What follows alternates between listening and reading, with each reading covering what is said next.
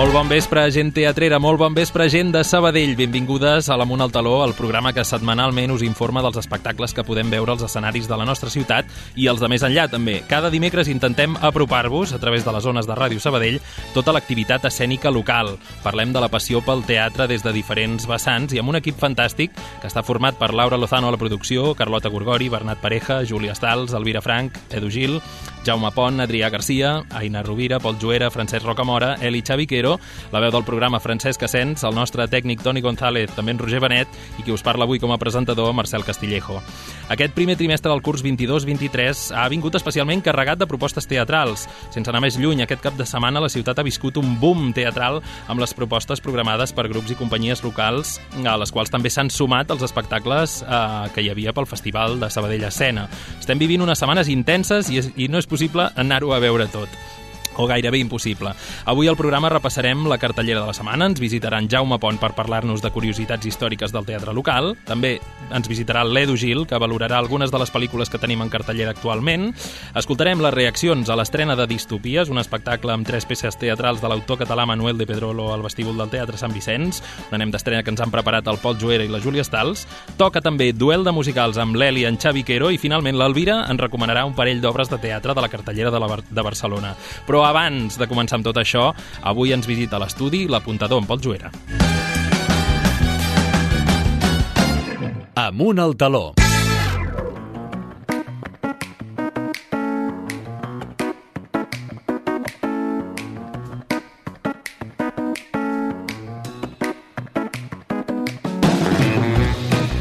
L'apuntador, en Pol Juera, que val a dir que no el deixem descansar ni una setmana, pobre, i això vol dir que toca a revisar alguna notícia relacionada amb el món del teatre, interessant, important o que, que ens afecti. Què tal, Pol, com anem? Bon vespre, Què ens Marcel. portes avui, aviam?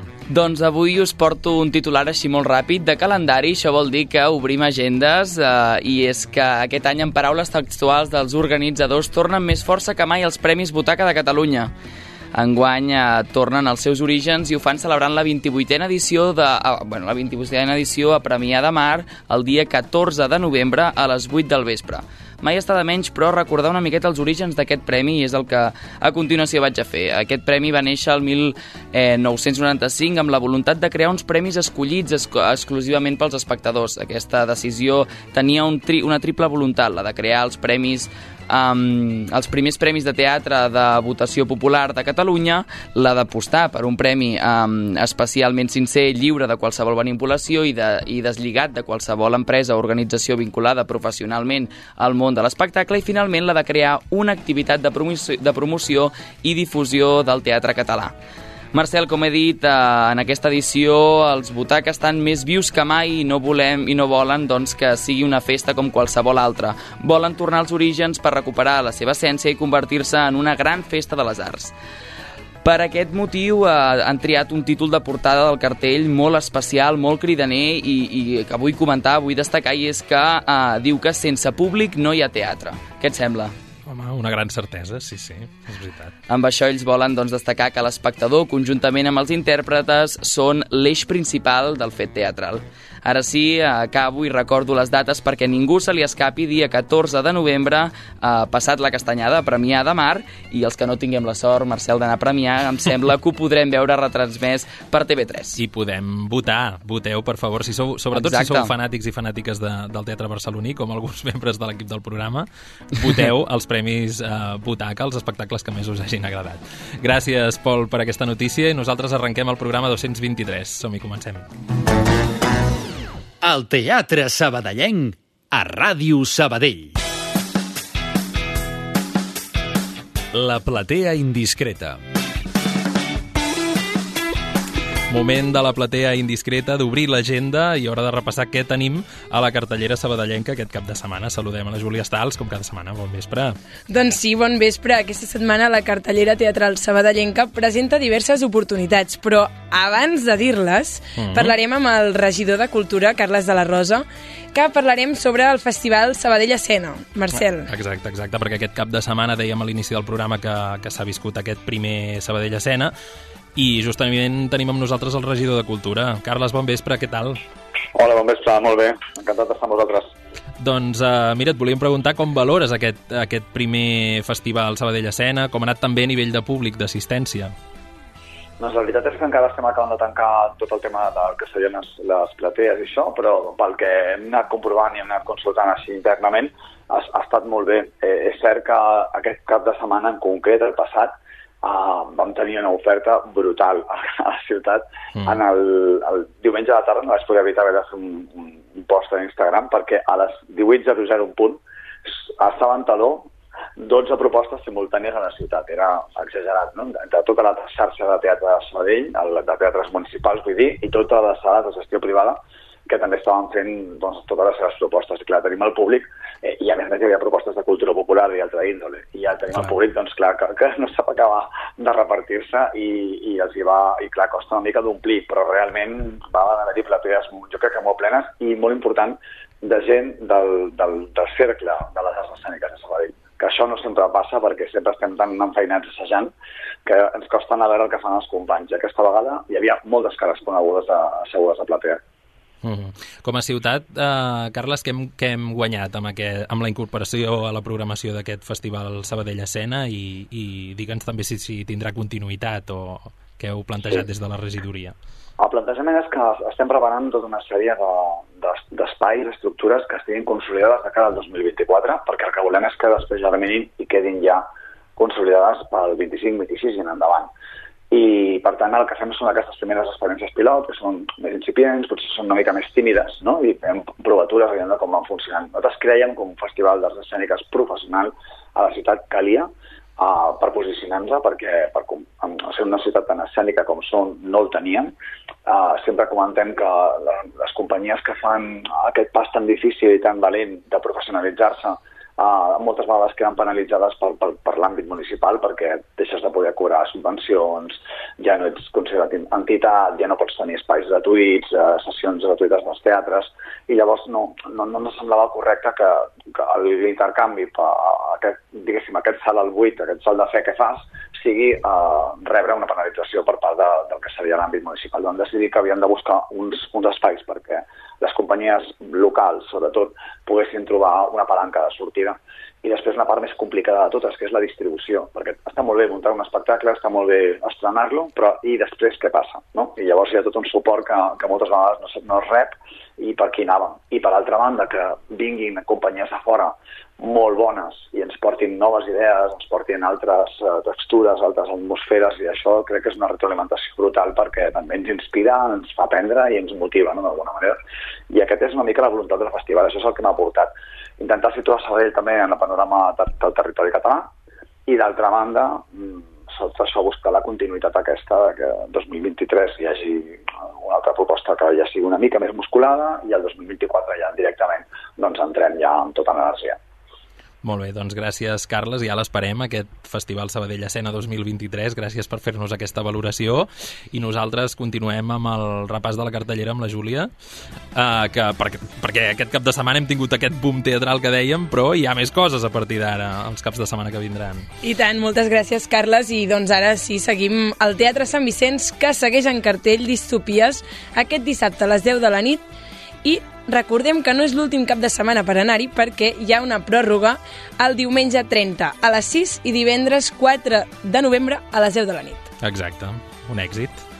Tot un èxit, Marcel. Què més? A la bàscula representaran pels pèls dissabte a les 9 de la nit i diumenge a les 6 de la tarda. I aquestes sí que són les últimes representacions. Ja acaben amb aquesta comèdia i, per tant, aviat els tornarem a tenir aquí, segurament, els de la bàscula i el grup Tatx, amb una nova proposta. Que també van prorrogar. Exacte. Què més, què més, Julià? La companyia amb musicats presenta disfressats aquest dissabte i diumenge a dos quarts de sis de la tarda. Que pinta molt bé, oi? I tant, ambientat amb disfresses. A l'Estruc interpretaran Jueves Absurdos demà dijous 27 d'octubre a les 9 de la nit. Molt bé. A la faràndula defensaran Terra Baixa aquest diumenge a les 6 de la tarda. Tot exaurit. Exauridíssim. un sold out increïble. A la quartera mostraran les dues estacions de Vivaldi dissabte a dos quarts de deu del vespre i diumenge a les 6 de la tarda, fins al 13 de novembre. Això és tot? Això és tot.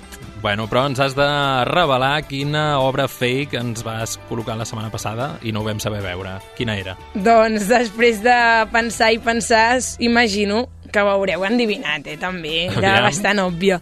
Uh, la companyia Estressats presentava Ràpid i Corrents. I anem, eh? Uh, bueno, no sé.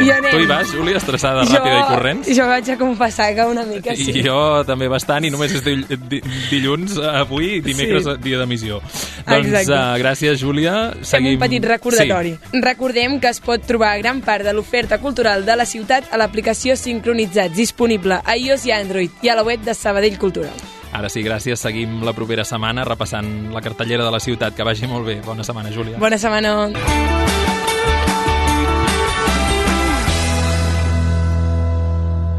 Amunt al taló, al teatre de la ciutat, a la ràdio. Entre talers i talons. Quan sona aquesta sintonia és perquè ens visita a l'estudi en Jaume Pont i això vol dir que toca parlar de curiositats històriques del teatre local, que toca fer un viatge en el temps i parlar d'alguns dels espais destinats a, a fer teatre mítics que vam tenir a la ciutat de Sabadell. Jaume, benvingut, com anem? Hola, què tal? Bon, Bon vespre, vespre. Marcel, i tots els oients. Doncs sí, de, de, de, dels que vam tenir, perquè continuem parlant de, de teatres, continuem parlant de teatres que, que vam tenir fa, fa temps. Uh, jo estic molt content de poder ser aquí a la Munt al Taló de nou, repassant doncs, uh, passatges de, de la història del teatre a la nostra ciutat. Molt bé, de què ens parlaràs avui? Jaume, és la secció nostàlgica aquesta, eh? Exacte, és nostàlgic, és nostàlgica. Doncs avui continuem parlant d'això, d'aquests grans teatres que es van construir al segle XIX a l'actual Sabadell. I dic l'actual perquè avui parlarem del tercer teatre que es va construir i que va ser construït en aquell moment al terme municipal de Sant Pere de Terrassa, no a Sabadell. Estic parlant del Cervantes, que en el moment de la seva construcció es va anomenar Campos de Recreo de la Creu Alta. Es va construir l'any 1878, estava situat en el que llavors es coneixia com el Camí de la Creu Alta, que actualment és l'Avinguda 11 de setembre, cantonada amb Sant Maties i Montlló i Pujal, just al costat oposat a l'Urpí. Actualment no en queda ni rastre, ni una fruiteria que mantingui el seu nom, com sí que passava amb els campos. Això t'anava a dir. I hi ha un bloc de pisos i l'escola Bressol de la Creu Alta. I en aquest terreny fins i aquest terreny fins al 1904 va formar part del municipi de Sant Pere de Terrassa, que era independent de Terrassa i Sabadell. Però, clar, aquest teatre es deia els Campos eh, de Recreo de la Creu Alta, has dit, però per tant tenia el mateix nom que els Campos de Recreo que, que hi havia a la Rambla, que és el que ens vas comentar l'última vegada que vas venir. Exactament, efectivament. També tenia el mateix nom, però era perquè seguim, seguia aquell model dels Camps Elisis de Barcelona que vam explicar al, al, a, la, a la secció anterior. Sí, amb el Bernat. Exacte, que combinaven en un mateix espai un teatre, un cafè, un jardí, una pista de ball, eh, un concepte de gran espai d'oci, d'esbarjo, de, d'esbarjo, a l'estil doncs, d'un parc d'atraccions, una mica. Eh? Centre cultural. Exacte, passa que aquí amb un format més, més petit que el que era, del que era Barcelona. Mm. Passa que ben aviat eh, a, a, en, a, a, els camps, els campos de recreo es van conèixer amb el nom del Cervantes. No em facis dir per què, eh? no sé el motiu pel qual es va passar a dir Cervantes, però es va començar a conèixer com Cervantes. El teatre tenia una capacitat de 1.343 espectadors, una platea amb llotges encoixinades fent semicercle, amb dos pisos de llotges al voltant i un escenari grandiós, un dels més grans del país, segons es deia. La inauguració va ser el juny de 1878, 11 anys després dels campos de recreo de la Rambla, i va esdevenir un catalitzador de la vida social i cultural i d'esbarjo de la Creu Alta i de tot Sabadell. Sobretot a l'estiu, quan que, que, que s'iniciava amb la festa major de la Creu Alta, que era la segona Pasqua, el, el, el mes de, de maig-juny, els sabadellencs a partir d'aquell moment ja pujaven cap al Cervantes a veure teatre, a ballar o anar al cafè. Que bé, que guai. Seria interessant veure-ho per un forat, això, Sí, eh, aquests Jaume? espais havien de ser uns, uns, uns espais molt agradables. El fet Clar. aquest de tenir un jardí, de, de poder de fer espectacles fins i tot en el jardí, que és, que és el que es feia, no? Uh -huh. I quin tipus d'espectacles s'hi representaven aquí als campus de la Creu Alta? Doncs s'hi va començar fent teatre i ben aviat s'hi van fer també sarsueles i òperes. Per exemple, el 1893 hi va actuar una companyia italiana d'òpera que hi va fer el Trovatore de Verdi. També hi va passar una companyia de circ equestre, és això que dèiem, no? aquests espais així tan, tan, tan, tan agradables doncs, que permetia que també s'hi pogués fer circ, eh, anomenada Camprani, que va instal·lar animals al solar del darrere del Cervantes, o sigui que era tot aquest, tot, eren espectacles molt diversos. I hem de dir que la cosa no va anar tan bé fins que, perquè el 1899 una pedregada seca, com aquestes que hem tingut últimament, però potser no, no, no sé si de la mateixa magnitud, però sí que és Mm. veritat que va ser una pedregada bastant potent, que va mal- malmetre la coberta, coberta i fins i tot es va ensorrar una part de la viga, d'una de les vigues de l'edifici. I l'activitat es va haver d'aturar perquè el propietari no hi volia invertir eh, més diners per reiniciar l'activitat. Això sempre passa, eh? En algun altre teatre que has comentat aquí a la secció, Sí. sempre s'acaben malmetent les infraestructures jo- d'alguna manera. El, el tipus de construcció que es deuria Sí. fer llavors no deuria ser molt sòlida, suposo que no s'invertien molts diners com ara actualment i per tant eh, eh, podien passar problemes d'aquest. De fet el principal es va haver d'enderrocar per culpa d'això, fins que es va tornar el primer, el primer teatre que es va fer a Sabadell es va haver d'enderrocar i després es va fer l'actual I principal. després no hi ha, no, no hi ha manera de, de, de fer la reinversió per tornar a Exacte. activar l'equipament. Però no? en aquest cas sí que es va fer la reinversió. Mhm. I dos anys més tard, Marçal Ballús, eh, que en vam parlar el mes passat també, i que fou l'introductor del cinema a Sabadell, després de, de projeccions als campus, va decidir llogar el Cervantes, refer-lo, i conjuntament amb Antoni Llobet van projectar-hi cinema de manera continuada. I així es va reprendre la vida al Cervantes amb cinema combinat amb teatre. També tot un tota una cosa que es anava repetint en diversos Exacte, llocs. exacte. El fet de combinar teatre i cinema també és una, una cosa molt freqüent en els teatres de- d'aquesta època. No? De l'època. I una de les companyies que va actuar llavors al, al Cervantes fou l'agrupació Carbonell, que algun dia dedicarem un programa especial a aquesta, a aquesta, a aquesta companyia. I van representar obres com ara Terra Baixa, El Nubi o Maria Rosa. I també entre els anys 1908 i 1919 eh, no hi poden faltar el que són, que he descobert que segurament deurien ser els primers pastorets que es van representar a la Creu Alta, Yep. eh, es van representar entre aquesta època, entre 1908 i 1919, els pastorets, però eh, no els pastorets del Folc i Torres, perquè els pastorets del Folc i Torres són del 1916, i aquí estem parlant del 1908, sinó els d'en Pitarra, que són més antics. I eh, ho van anar combinant, feien un any un, any, un, un grup i un any i el següent any l'altre grup, eh, entre la secció dramàtica del Casinet, dirigida per Miquel Figueres, i l'agrupació Cervantes, dirigida per Jaume Auró i Pere Sunyer. Una mica com Sant Vicenç i Faràndula, també, una mica de... Sí, passa que aprofitaven el mateix teatre. Jo no sé si Exacte. compartien decorats, si compartien també elements de la posada en escena, però... Eh, Hi havia dos grups en la mateixa representació alternadament. En el Cervantes. Això fins al 1919. I a partir de 1921 les, representa les representacions de teatre van anar desapareixent de la cartellera i el local es va convertir totalment en el ci- cinema Cervantes, mantenint també la pista de ball, el cafè i els jardins. I el gran escenari del Cervantes va quedar tapat per la pantalla de cinemes aleshores. De fet, els jardins i la pista de ball van ser el gran, es van anar convertint en el gran atractiu del Cervantes. Sobretot això que explicàvem ja al principi, les nits caloroses d'estiu, quan els altres cinemes i teatres ja havien tancat perquè no tenien doncs, una, uns jardins com, com el Cervantes, doncs eh, eh, el Cervantes mantenia aquesta programació.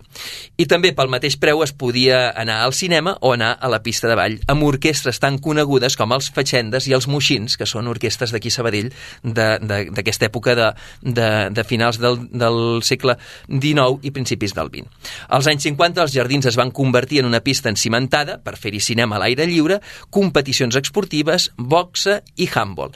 I de fet el Cervantes als anys 60 del segle passat es va convertir en la seu de la secció de handball del Centre d'Esports Sabadell. I ja sí que a finals dels 60 el vell edifici, després de passar per diverses mans de, de, de diversos propietaris, es va, eh, es va voler enderrocar per fer-hi un nou edifici també doncs, singular, per re- refer-lo amb jardins, però el projecte va quedar aturat en, amb uns nous plans urbanístics que, que, es van, que es van aprovar als anys 70 i que el van definir ja com un equipament públic.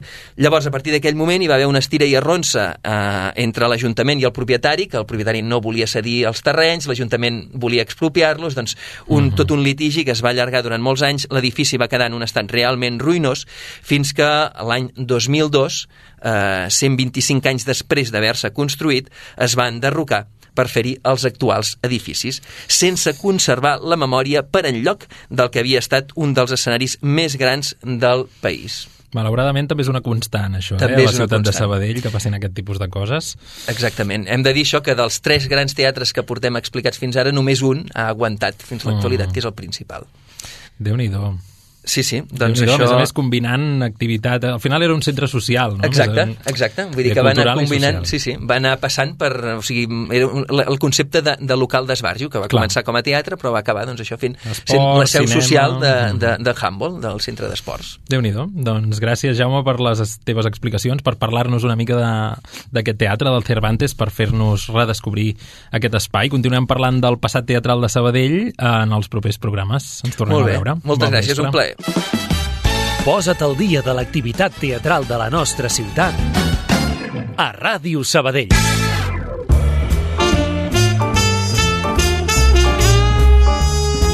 Anem d'estrena.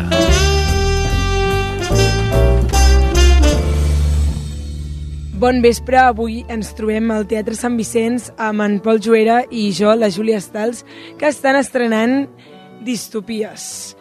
Ara parlarem amb la gent del públic a veure què els hi ha semblat aquesta estrena. Ara han acabat l'obra, doncs estem parlant amb la gent del públic, com ha comentat la Júlia, i tenim aquí a l'Amàlia, que bueno, jo, jo et volia preguntar una miqueta, no sé si ets habitual en aquí el teatre i en aquí les obres del Cafè Teatre que fem aquí, però, però què t'ha semblat? La veritat és que sí, que som habituals a venir als cafès teatre, igual que les obres de, de sala, i la veritat és que molt bé, molt ben treballat, molt ben dirigit, molt ben actuat. Són tres històries diferents, molt ben treballades, cadascú amb el seu personatge, que et profunditza molt en diferents tipus de sentiments, raonaments, no? tot dins d'unes cambres que sembla mentida que, que puguin sortir totes aquestes històries que han sortit, no? De, de triar, de mirar, de, de rumiar, i la veritat és que et fan pensar molt i molt bé. Moltes felicitats a tots. Creieu que heu pogut empatitzar amb alguna de les situacions que heu vist a l'obra? Us heu pogut sentir identificats en algun moment o no sé, alguna cosa? Bé, la veritat és que, bueno, és complicat, eh? És complicat, però penso que sí, no? Que en algun moment sempre has de triar la vida... Ja, el, el moment de triar, sempre has de triar quelcom, no?, la teva vida. Has de saber medir molt bé les paraules, els sentiments de cara als altres i rumiar. A vegades has de rumiar molt a l'hora de fer actes diferents, no? Llavors sí que és veritat que formen molt part de la vida del dia a dia de qualsevol persona de, de qualsevol de nosaltres. Manuel de... Pe- Bueno, els directors d'aquest eh, cicle de Manuel de Pedrolo ens oferiran diferents obres al llarg de la temporada d'aquest any i repetiràs venir alguna d'aquestes obres de, de Pedrolo?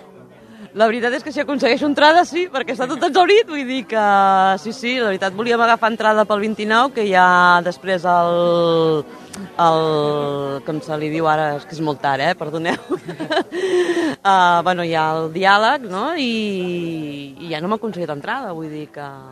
Això vol dir que va bé, això vol dir que va bé, aquesta aposta. Moltes gràcies, Amàlia, i bona nit. Igualment a vosaltres, bona nit. Estàvem per aquí fora al Sant Vicenç, ens hem trobat a un dels actors d'aquest eh, cicle de Pedrolo. Miquel Ribas, bona tarda, bon vespre en aquest cas. Què interpretes en aquesta obra?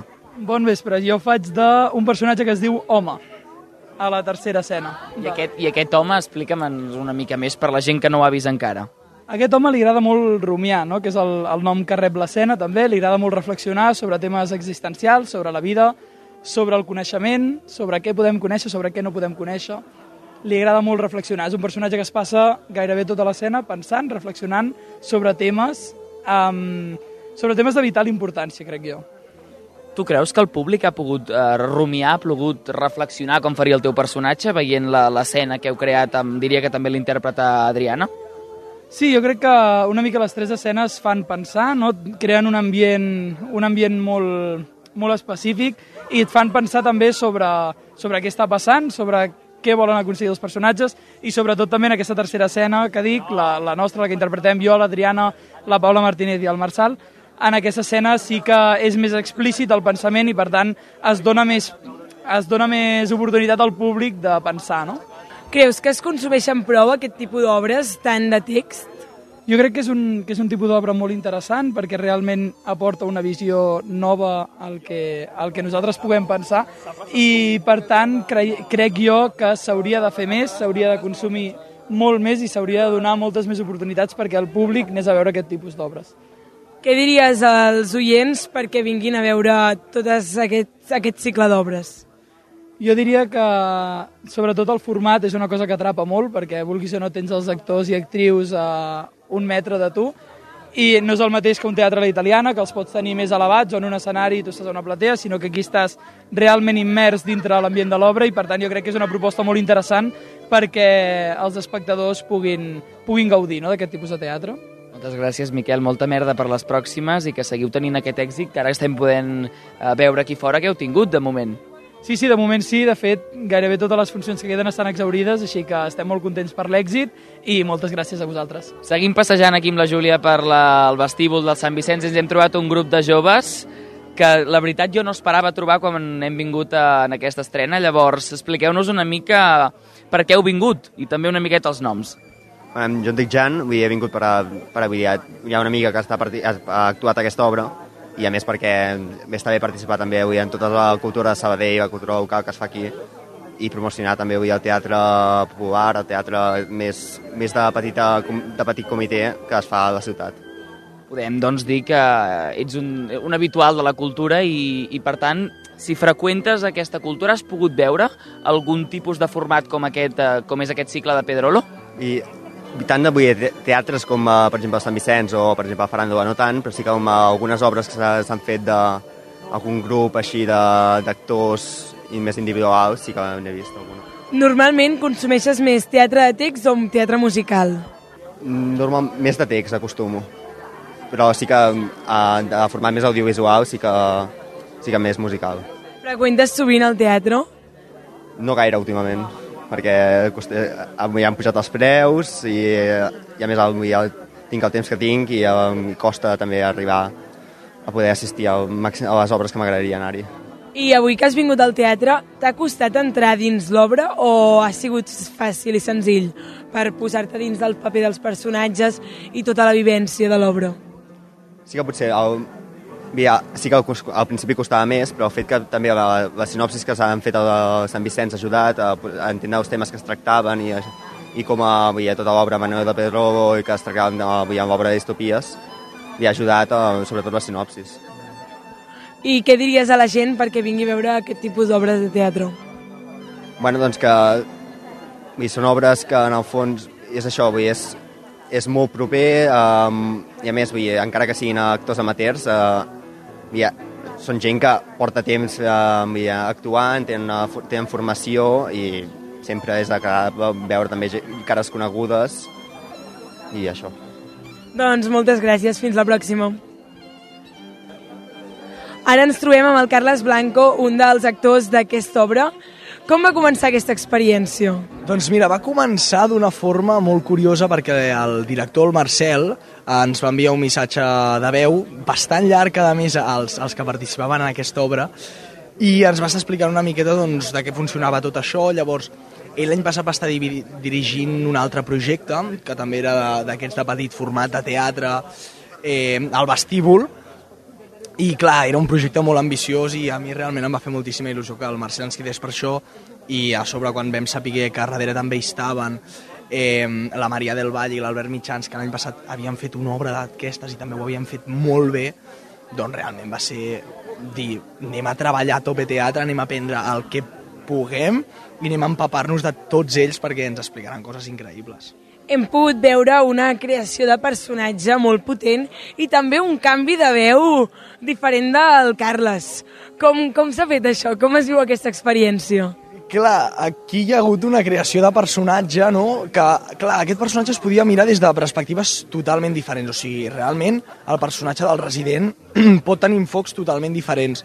Però la veritat és que li vam saber donar un enfoc que el que ens permetia és tenir com una veu com molt així cap a dins, com que l'exterioritzava molt més cap a fora, també, és a dir, era com molt introvertit, però després la, la tirava molt cap en fora, cridava molt, de cop baixava molt el to de veu, i, o sigui, eren anades i vingudes tota l'estona i la veritat és que bueno, va ser aquest procés de creació de personatge que vam anar fent, vam anar treballant fins al dia d'avui que l'hem acabat. Jo volia afegir, si haguessis de, de descriure el transcurs de tot el que és l'obra, o sigui, tot el que és des de que té l'inici fins que té el final, quina paraula, quin sentiment, quin... quina seria la paraula que definiries per aquest cicle?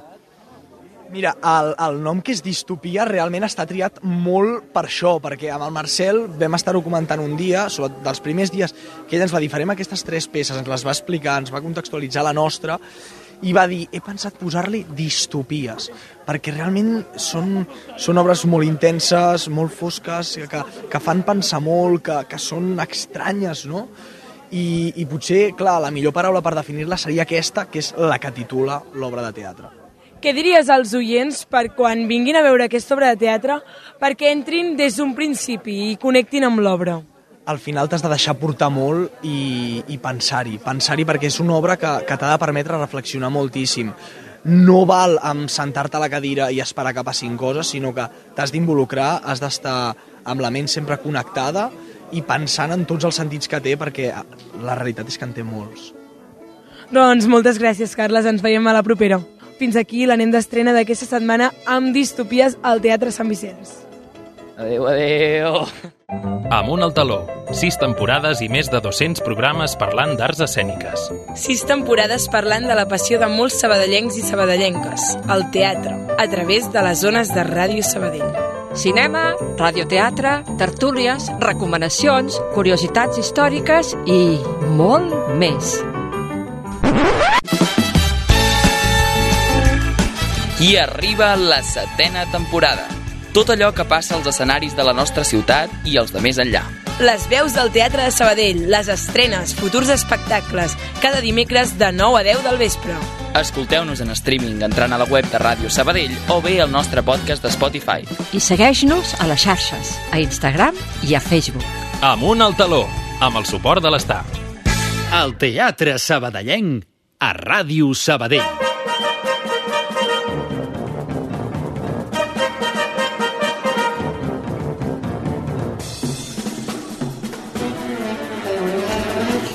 Doncs aquesta setmana, encara que aquests dies no estigui fent massa ambient de tardor, arriba la Castanyada, una festa molt nostra, arriba Tots Sants, també el dia 1, i ens arriba, eh, importat de fora, podríem dir, també Halloween. Avui hem demanat als nostres experts musicaleros, els germans Quero, l'Eli i el Xavi, que ens facin una batalla, un duel sobre musicals que poden fer-nos por, musicals terrorífics, musicals foscos, que no ens deixaran dormir. Uh, perquè sembla que no, però n'existeixen bastants, eh, d'aquesta temàtica. Eli, Xavi, bon vespre. Sou més de Halloween o de Castanyada, vosaltres? Aviam. Ui, de castanyada. Enca mm. Encara de castanyada. Molt a més. També, també. però també us agrada passar por, una sí. mica. Home, Avui en parlarem. Doncs uh, arrenquem amb aquest duel de musicals, a veure què ens heu portat. Vale, de fet, sempre estem en aquesta frontera entre, entre el, el que seria terrorífic i el que és jocoso, perquè a fi de comptes és, és el que hi ha, és el que som, és el que ens agrada. Ens agrada patir. Sí, però lo just, lo just perquè també ens agrada riure. Sí. Mira, començo jo amb, amb unes obertures, perquè l'important és a veure quina és la, la, quina és la millor obertura musical d'aquests. Amb el qual, Mm. com soy así de egocéntrico, començo jo mateix amb el musical Evil Dead. Evil Dead, que és una adaptació de la pel·lícula de terror de l'any 81, aquesta primera de terror, Sí. la segona va ser un remake que ja feia gràcia, i la tercera era un despiporre, que aquí es va traduir com a Possessió infernal, en el que barrejava tant la mitologia de Lovecraft, els zombis, com el clàssic de l'slasher, que el clàssic de l'slasher Mm. no és a ser el, el gore i el, i el maníaco perseguint amb la serra mecànica, que era una cabana al bosc. I aquesta premissa d'arribar a una cabana al bosc per passar uns dies de vacances, pues sempre se desmadra. Que no seran relaxats aquests dies de vacances. Gens mica. Doncs escoltem aquesta obertura.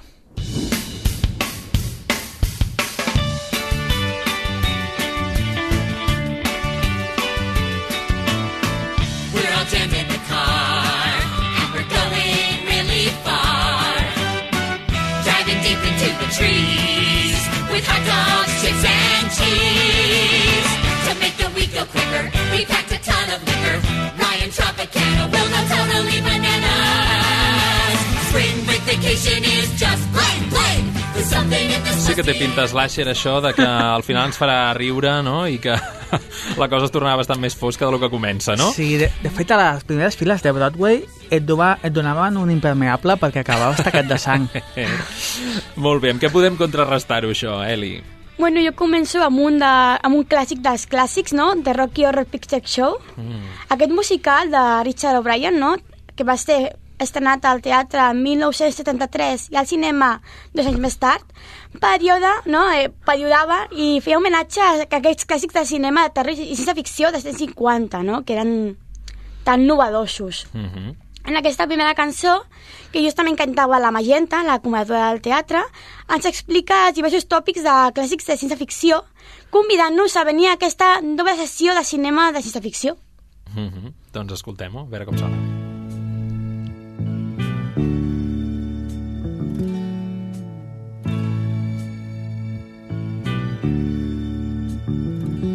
Michael Rennie was ill the day the earth stood still, but he told us where we stand. And Flash Gordon was there in silver underwear. Claude Rains was the invisible man. Then something went wrong for Fay Ray and King Kong. Molt bé. Com fem front a aquest clàssic, Xavi? Doncs mira, la cosa és la següent. Eh, ara necessitem un protagonista, no? O, o, o la condició, la condició per ser protagonista. Sí. En aquest cas, eh, què millor que ser un monstre desfigurat? Un monstre desfigurat. O sigui, és el millor que et pot passar en aquesta vida, tothom ho sap. Sí, acabes sent protagonista d'un musical Sí. terrorífic. En aquest cas, eh, aquest musical era un híbrid entre El fantasma de l'òpera, sí. el retrat de Dorian Gray, el Faust de Goethe i que acabes tenint El fantasma del paradís, un musical de l'any 74 dirigit per Richard De Palma i que tenia molta influència del glam rock que tant es podia escoltar en aquest musical, El fantasma del paradís, com en el anterior, el Rocky Horror Picture Show. I bueno, pues aquí nos explica una miqueta la història de què li ha passat a aquest personatge i per què està desfigurat aquest tal Winslow Leach. Avui us estic escoltant amb molta atenció perquè no els conec gaire, eh? Escoltem, a veure com sona. I was not myself last night, couldn't set things right with apologies or flowers. Out of place as a crying clown who could only frown, and the play went on for hours.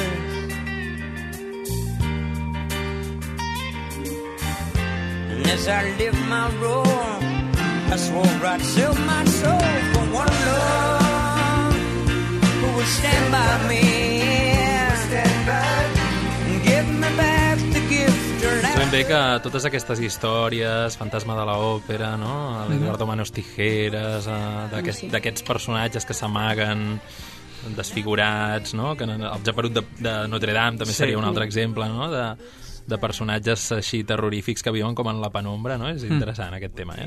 Mhm. I es es va repetint. Què més? Quin altre musical tenim, Eli?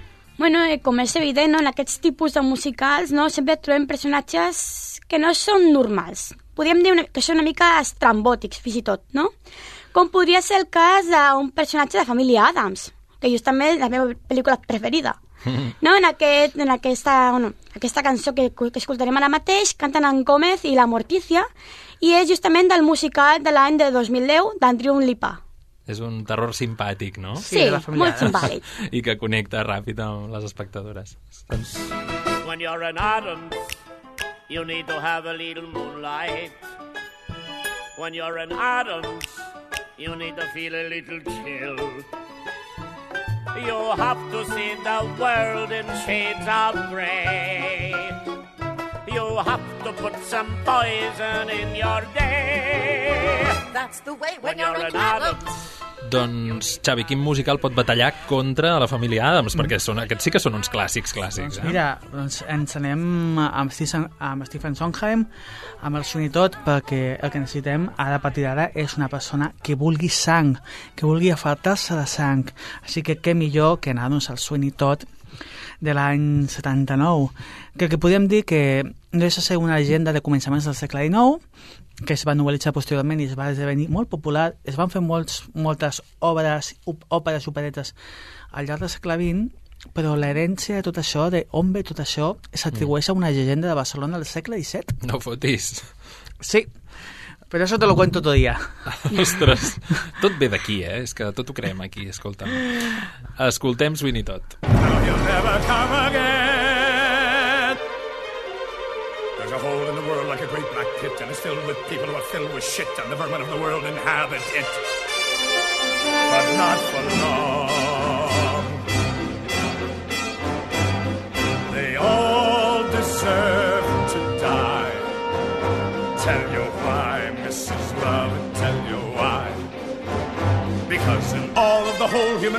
Déu-n'hi-do, Sweeney Todd, amb unes partitures, uns temes que són complicadíssims de cantar, que sembla que no, però Déu-n'hi-do, eh?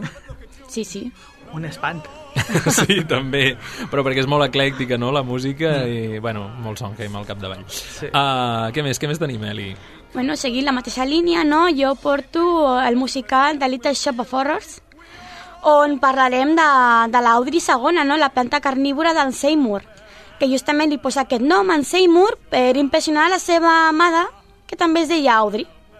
Aquest musical de mil, 1982, en pel·lícula quatre anys més tard, està basat, a la, està basat en la pel·lícula de 1960 d'en Roger Corman, i ja, sentim, ja, ja sentirem la música d'Alan Menken. Molt bé. Ara Veig que m'heu combinat una cosa més tètrica amb una cosa més simpàtica tota Sí. l'estona. L'Eli- L'Eli va de simpàtica avui, eh? Escoltem la botiga dels horrors, doncs. Oh boy. Here we go again. Tui, I haven't got much left. Look, just let me heal a few more days, okay? Then we'll start on the left hand again. Feed me. I beg your pardon. Feed me. Tui, you talked. You opened up your trap, your thing. You said. Feed me, Krellborn. Feed me now. I can't. I'm starving. Oh boy. Look, maybe I can squeeze a little out of this one, but. I need some food. More, more. But there isn't any more. What do you want me to do? Slit my wrists? Mm. Look, how about I run down to the corner and pick up some nice chopped sirloin? Must be blood. Tui, that's disgusting. Must be fresh. I don't want to hear this. Feed me. Does it have to be human? Feed me. Does it have to be mine? Feed me. Where am I supposed to get it? Feed me, Seymour. Feed me all night long. That's right, boy. You can do it. Feed me, Seymour. M'encanta. I quan el vaig fer, el vaig disfrutar tant, Little Shop of Horrors, o sigui, m'encanta ser la víctima per això a mi, eh? O sigui, jo que vaig disfrutar més fent de víctima que no pas si hagués fet de planta carnívora. què més, què més, Xavi, què tenim? Vale, a de vegades passa el següent, que, que els musicals aquest, d'una temàtica presumptament terrorífica, què passa? Necessitem un villà, però potser aquest villano és el protagonista, mm. fins al moment de que potser eh, és el menys dolent de tots. A veure, Que no vol plot twist. que no vol dir que sigui bo. Val. Tampoc ho he de passar i tot, però bueno. Jo en aquest cas us vinc a parlar de d'un musical que no va tenir molt èxit, mm, tampoc va ser de lo millor, però po- compositivament està molt bé, que era el musical que va fer Elton John sobre la figura de l'Estat. Que, que, clar, de l'Estat del el vampir, de les novel·les d'Anne Rice, que les dues primeres són les úniques que valen, la resta no lo hagáis, sisplau, no ho feu, és espantós.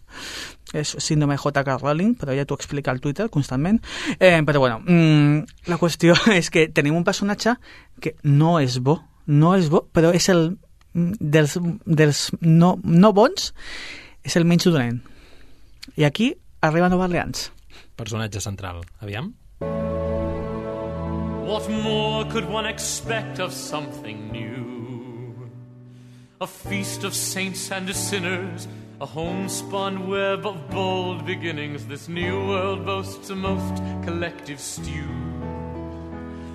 And so indeed I'll plunge into the stream. Here regret no longer lingers, new passions here I'll cling to. In America I'll reconstruct my dreams.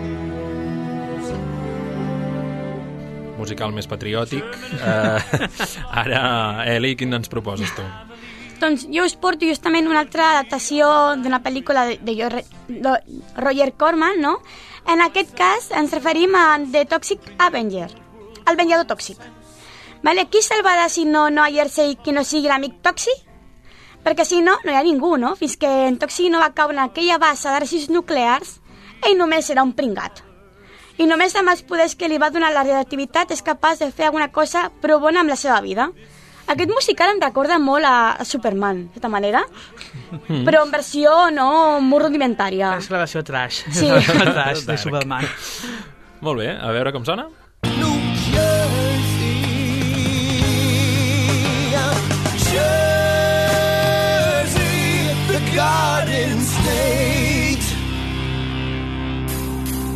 There's an exit called the 13B. Right off the turnpike where it smells just like pee. An exit no one dares get on. An exit where the children cough. An exit call. Déu-n'hi-do, és tota l'estona així de rockero? Sí, Bastant. Déu-n'hi-do. No el conec, ja l'escoltaré. Què més tenim? Vale, doncs ja finalitzant, de, després de Bons Villanos, tal, també necessitem, què diria jo, algun lloc, algun lloc que pugui acollir tot això, vale? Mm. Una planta, una, una planta d'ambient. En el meu cas, eh, jo suggereixo una, una òpera, una òpera genètica, una òpera genètica, una mena de cor dels miracles, tal que diria Víctor Hugo, on pot passar de tot. Aquest és el cas del musical Ripo, de Genetic Opera, que és molt curiós perquè tant et trobes a la sala Brightman com et trobes a Nive Cogra, que és una estrella dins del món underground de la música electrònica, Sí. com et trobes a Paris Hilton, cantant. I per ahí canta. Barreges estrambòtiques. Sí, és, i això és Ripo de Genetic Opera. I el, la idea, la premissa, diguéssim, també és força estrambòtica? És bastant estrambòtica, és en el futur postapocalíptic de els teus òrgans poden deixar de funcionar en qualsevol moment i si no te'n compres un de nou, et mors. Ens agrada, sentim-ho.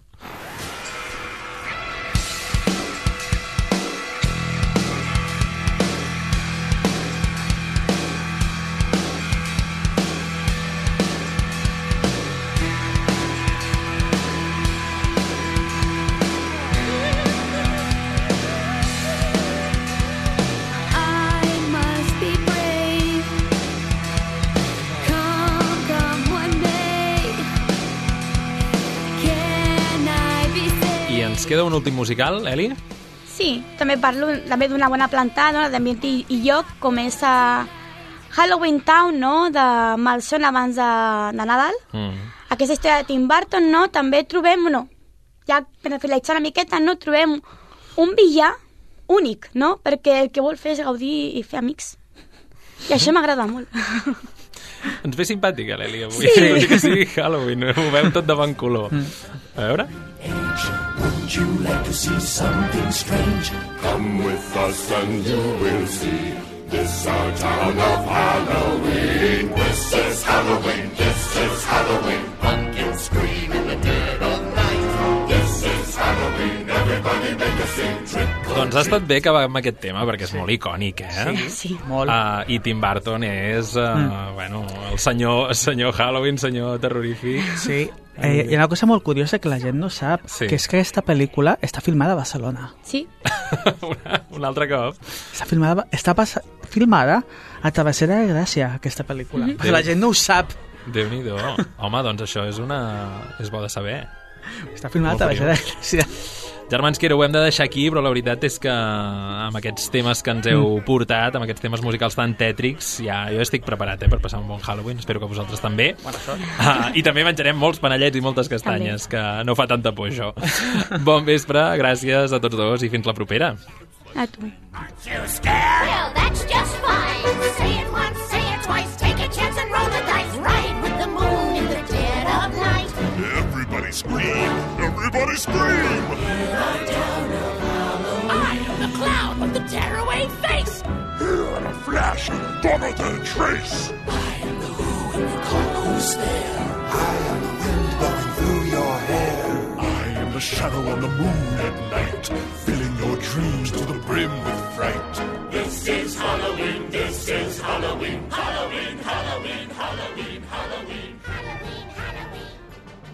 El Teatre Sabadellenc a Ràdio Sabadell.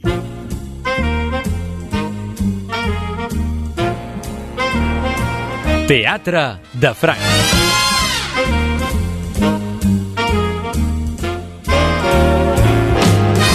I ja som a la recta final del programa i és el moment de Teatre de Franc, dels comentaris de la nostra crítica experta teatrera, l'Alvira Franc, que ens visita cada setmana sense falta, eh? com un clau. Cada Alvira. setmana aquí. Bon vespre, què tal? Hola, bon vespre. Doncs sí, com cada setmana tornem a ser aquí, tornarem a comentar un parell d'obres Molt bé. i, i a veure si, si algú Animem a, s'anima a les oients a anar-hi, clar que sí, anar-hi. a, a baixar a Barcelona a veure alguna coseta. Per sí. quina proposta començarem? avui? Mira, començarem pel viatge d'hivern o quan Helinex va deixar de tocar Schubert. Ens encanten els títols llargs, eh? Sí. A Barcelona últimament. Aquí sí, s'ha passat de moda això, eh?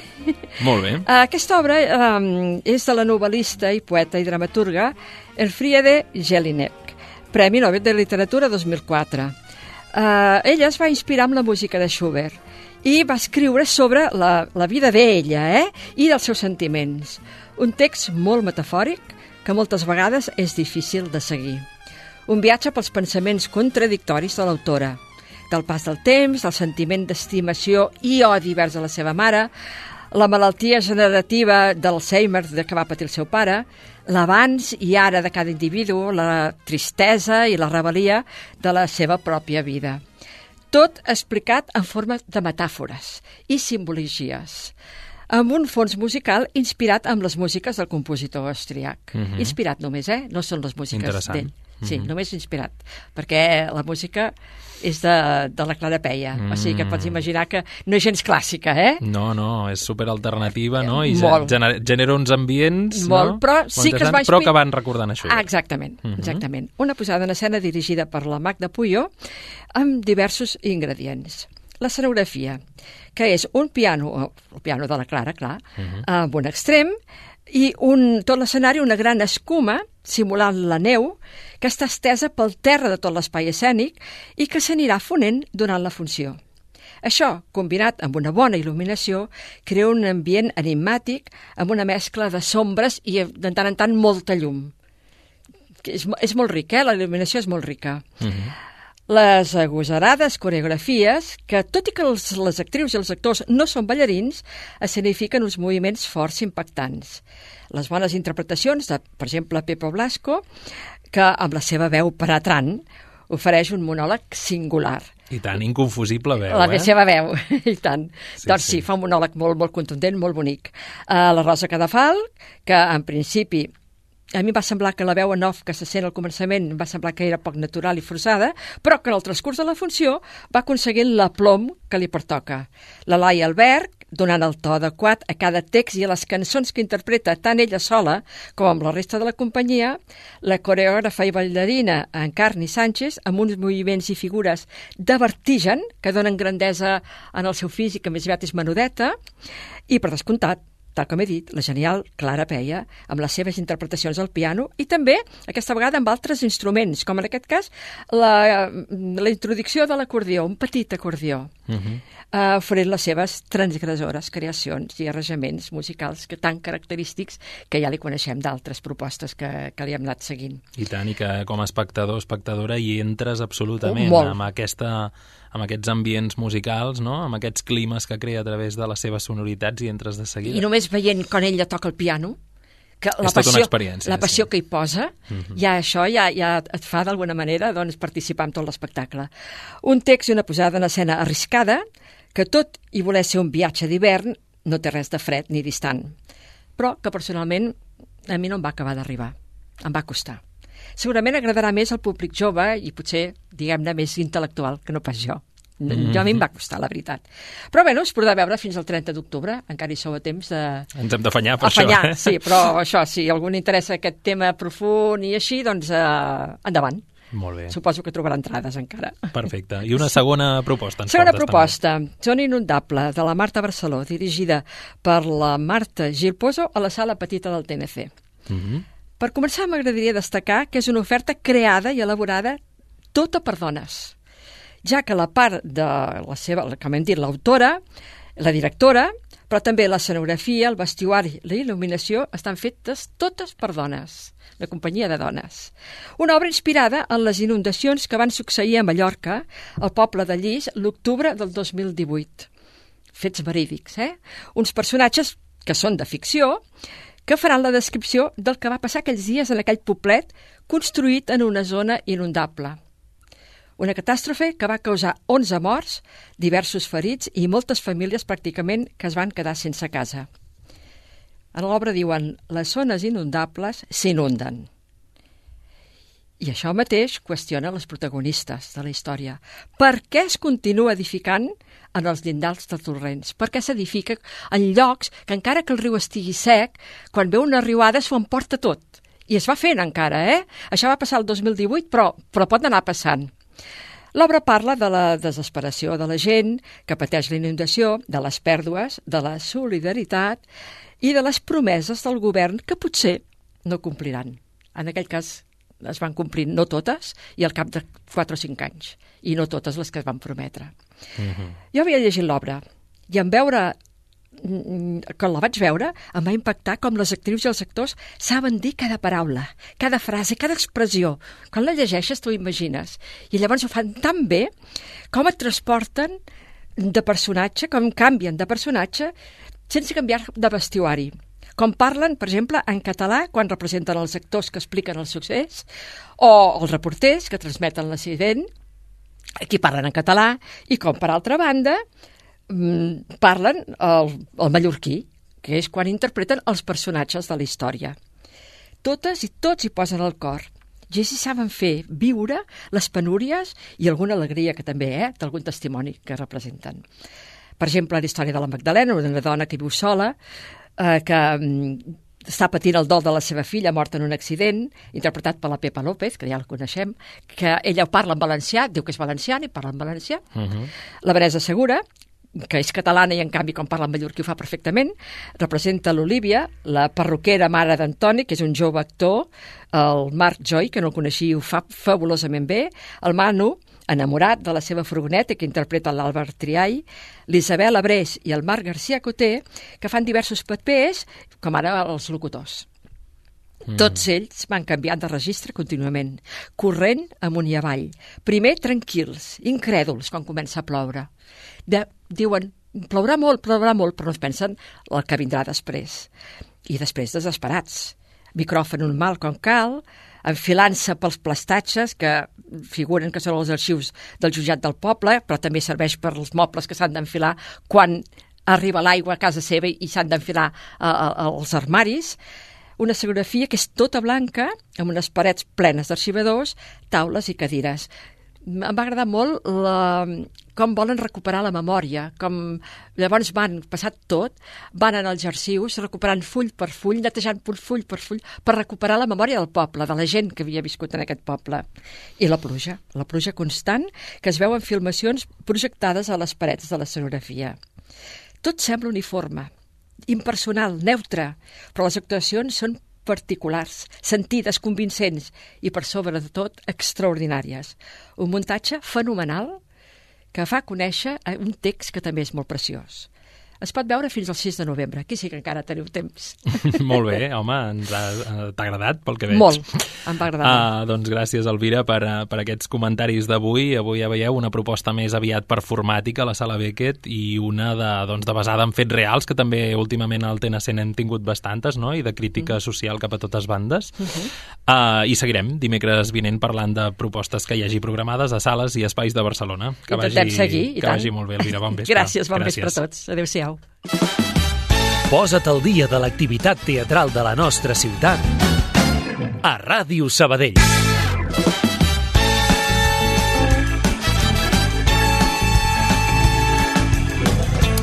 Aquí acabem l'Amunt al taló d'avui. Dimecres vinent, atenció, parlarem de La Blancaneus i els set nans, el proper musical infantil que presentarà Joventut de la Faràndula sota la direcció d'Albert González. També parlarem de la propera estrena del Teatre Sant Vicenç, Ocells i Llops, de Josep Maria de Sagarra. Seran totes dues estrenes el dia 5 de novembre.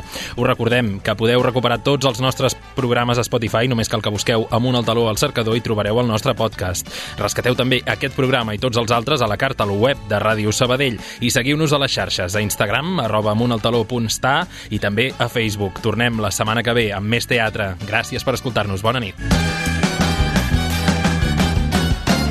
Amunt al taló.